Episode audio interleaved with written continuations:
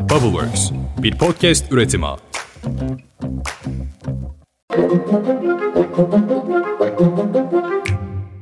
Günaydın. Bugün 13 Temmuz 2023. Ben Özlem Gürses. Bubbleworks Media ile birlikte hazırladığımız 5 dakikada dünya gündemine hepiniz hoş geldiniz. Önce İsveç'in NATO bileti, sonra dostum Biden'la sıcacık bir görüşme ve dün de nihayet Yunan Başbakan Mitsotakis'le verilen güler yüzlü fotoğraflar. Hem dünya hem Türkiye AK Partili Cumhurbaşkanı Erdoğan'ın bu yeni halini anlamaya çalışıyor. Hadi başlayalım. NATO zirvesi bitti ve Cumhurbaşkanı Erdoğan Litvanya'nın başkenti Vilnius'ta gerçekleşen NATO Liderler Zirvesi'nin ardından açıklamalarda bulundu. Erdoğan gazetecilerin sorularını yanıtladığı sırada kendisine yöneltilen İsveç'e verdiğiniz destek Türkiye'nin Avrupa Birliği üyeliğinin başlangıcı mı sorusuna ağzın bal yesin diyerek yanıt verdi. Ayrıca İsveç ülkemizin Avrupa Birliği üyelik sürecine ekonomimiz açısından kritik önemi haiz Gümrük Birliği Anlaşması'nın güncellenmesine ve vize serbestisine birlik üyesi sıfatıyla aktif destek verecek. Türkiye'ye uygulanan özellikle savunma sanayi alanındaki kısıtlamaların kaldırılması noktasında İsveç üzerine düşeni yapmayı sürdürecek. İsveç'in Türkiye'nin Avrupa Birliği üyeliğine nasıl destek vereceği tam anlaşılamamış olsa da biz devam edelim. Cumhurbaşkanı Erdoğan, Litvanya'daki NATO zirvesi kapsamında dün Yunanistan Başbakanı Kyriakos Mitsotakis'le bir araya geldi. 16 ay sonra ilk kez gerçekleşen görüşmede Erdoğan'a Dışişleri Bakanı Hakan Fidan'la Cumhurbaşkanlığı Başdanışmanı Büyükelçi Akif Çağatay Kılıç eşlik etti. İletişim Başkanlığından yapılan açıklamaya göre Erdoğan ve Mitsotakis Yüksek Düzeyli İşbirliği Konseyi toplantısının sonbaharda Selanik'te düzenlenmesi konusunda anlaştı. Görüşme iyi bir atmosferde gerçekleşmiştir denilen İletişim Başkanlığı açıklamasında Sayın Erdoğan ve Sayın Mitsotakis son aylarda ikili ilişkilerde oluşan olumlu iklimin süreklilik ve tutarlılık arz etmesinin her iki ülkenin de yararına olduğu hususunda mutabık kalmışlardır deniliyor. Oysa ki Erdoğan çok değil, birkaç ay önce seçim meydanlarında Miçotakis için artık benim için Miçotakis diye birisi yok. Kendisiyle bir görüşme yapmayı asla kabul etmiyorum. Çünkü biz sözünde duracak şahsiyetli, onurlu siyasetçilerle yola gideriz. Bundan sonrasını Miçotakis düşünsün. Kimlerle görüşecekse, kimlerle nasıl üsler kurduracaksa buyursun kurdursun, biz bize yeteriz diyordu. Zaten Amerikan Başkanı Biden için de şunları söylemişti Erdoğan hatırlarsanız. Biden'dan aldığın talimatla mı yapacaksın? Biden Erdoğan'ı düşürmemiz lazım diye talimatı verdi. Bunu ben biliyorum. Bunu benim bütün halkım biliyor. Neyse, bütün bu köprülerin altından çok sular aktı anlaşılan. Amerikan Başkanı Joe Biden dün sosyal medya hesabından Cumhurbaşkanı Erdoğan'a teşekkür etti. İsveç'in NATO üyeliği için varılan anlaşmaya işaret eden Biden, Cumhurbaşkanı Erdoğan, cesaretiniz, liderliğiniz ve diplomasiniz için teşekkür ederiz diye yazdı.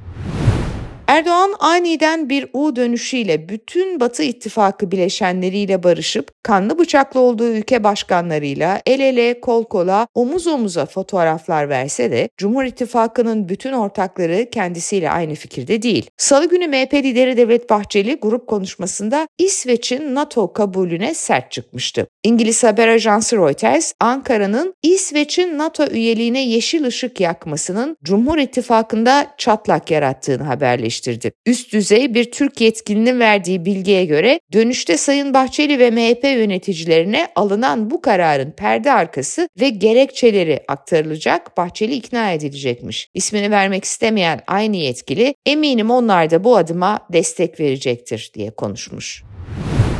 Doğrusu mecliste oylama sırasında çok sürpriz gelişmeler yaşanabilir. Zira Hüdapar'dan da dikkat çeken bir İsveç açıklaması geldi. Hizbullah'a yakın bu partinin Batman milletvekili Serkan Ramanlı, Cumhurbaşkanı Erdoğan'ın aksine İsveç'in NATO üyeliği veto edilmelidir dedi.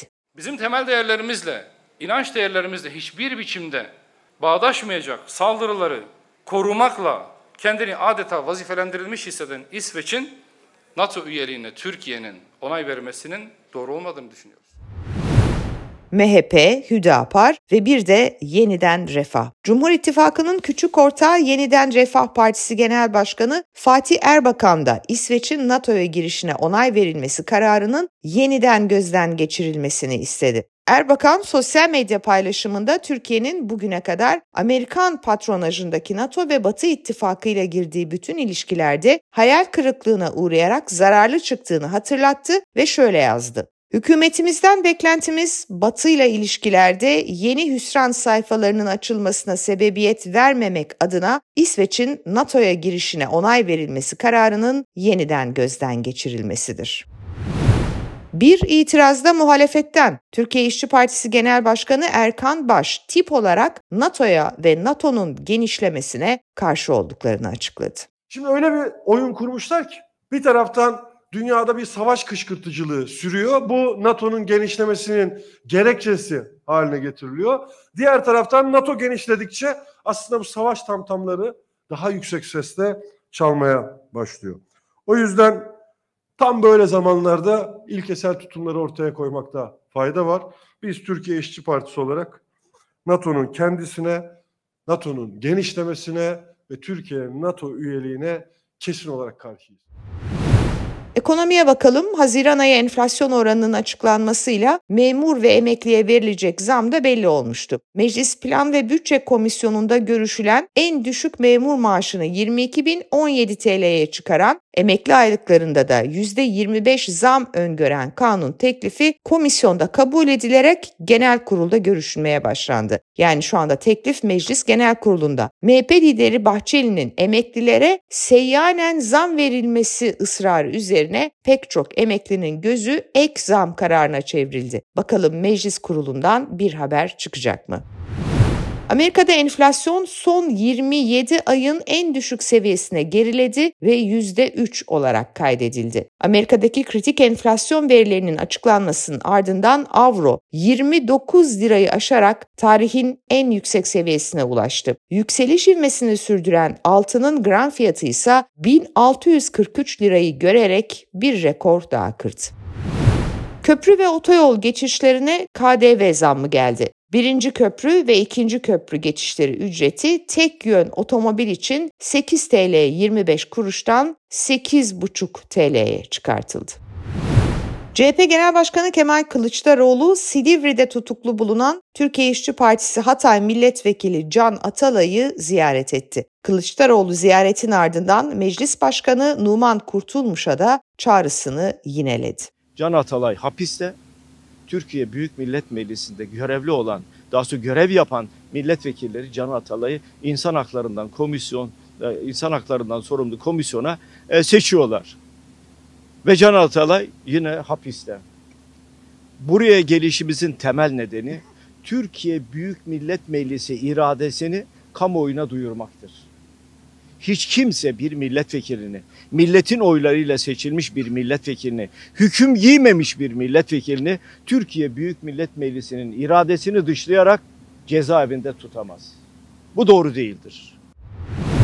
CHP'li Bolu Belediye Başkanı Tanju Özcan, Değişim ve Adalet Yürüyüşü'nün 10. gününde Cumhuriyet Halk Partisi Genel Merkezi'ne ulaştı. Genel merkez önünde kendisini karşılayan kalabalığa hitaben bir konuşma gerçekleştiren Tanju Özcan, Kılıçdaroğlu'nun kaybedilen seçimin ardından istifa etmemesini eleştirdi. Bu seçim riske atılacak bir seçim değil diye defalarca kendisine söyledi. Kendisine uyar görevi bıraktı. Bana cevaben dedi ki İstanbul'u ve Ankara'yı 9 ay süreyle AKP'ye devredeceğiz.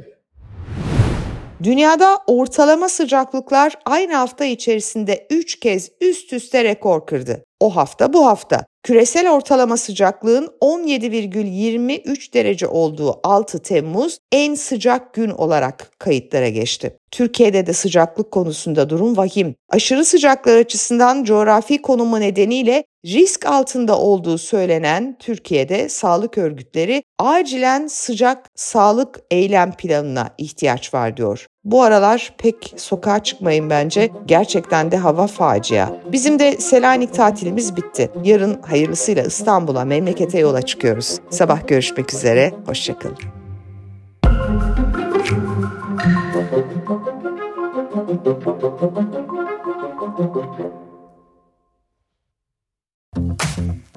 Bubbleworks, bir podcast üretimi.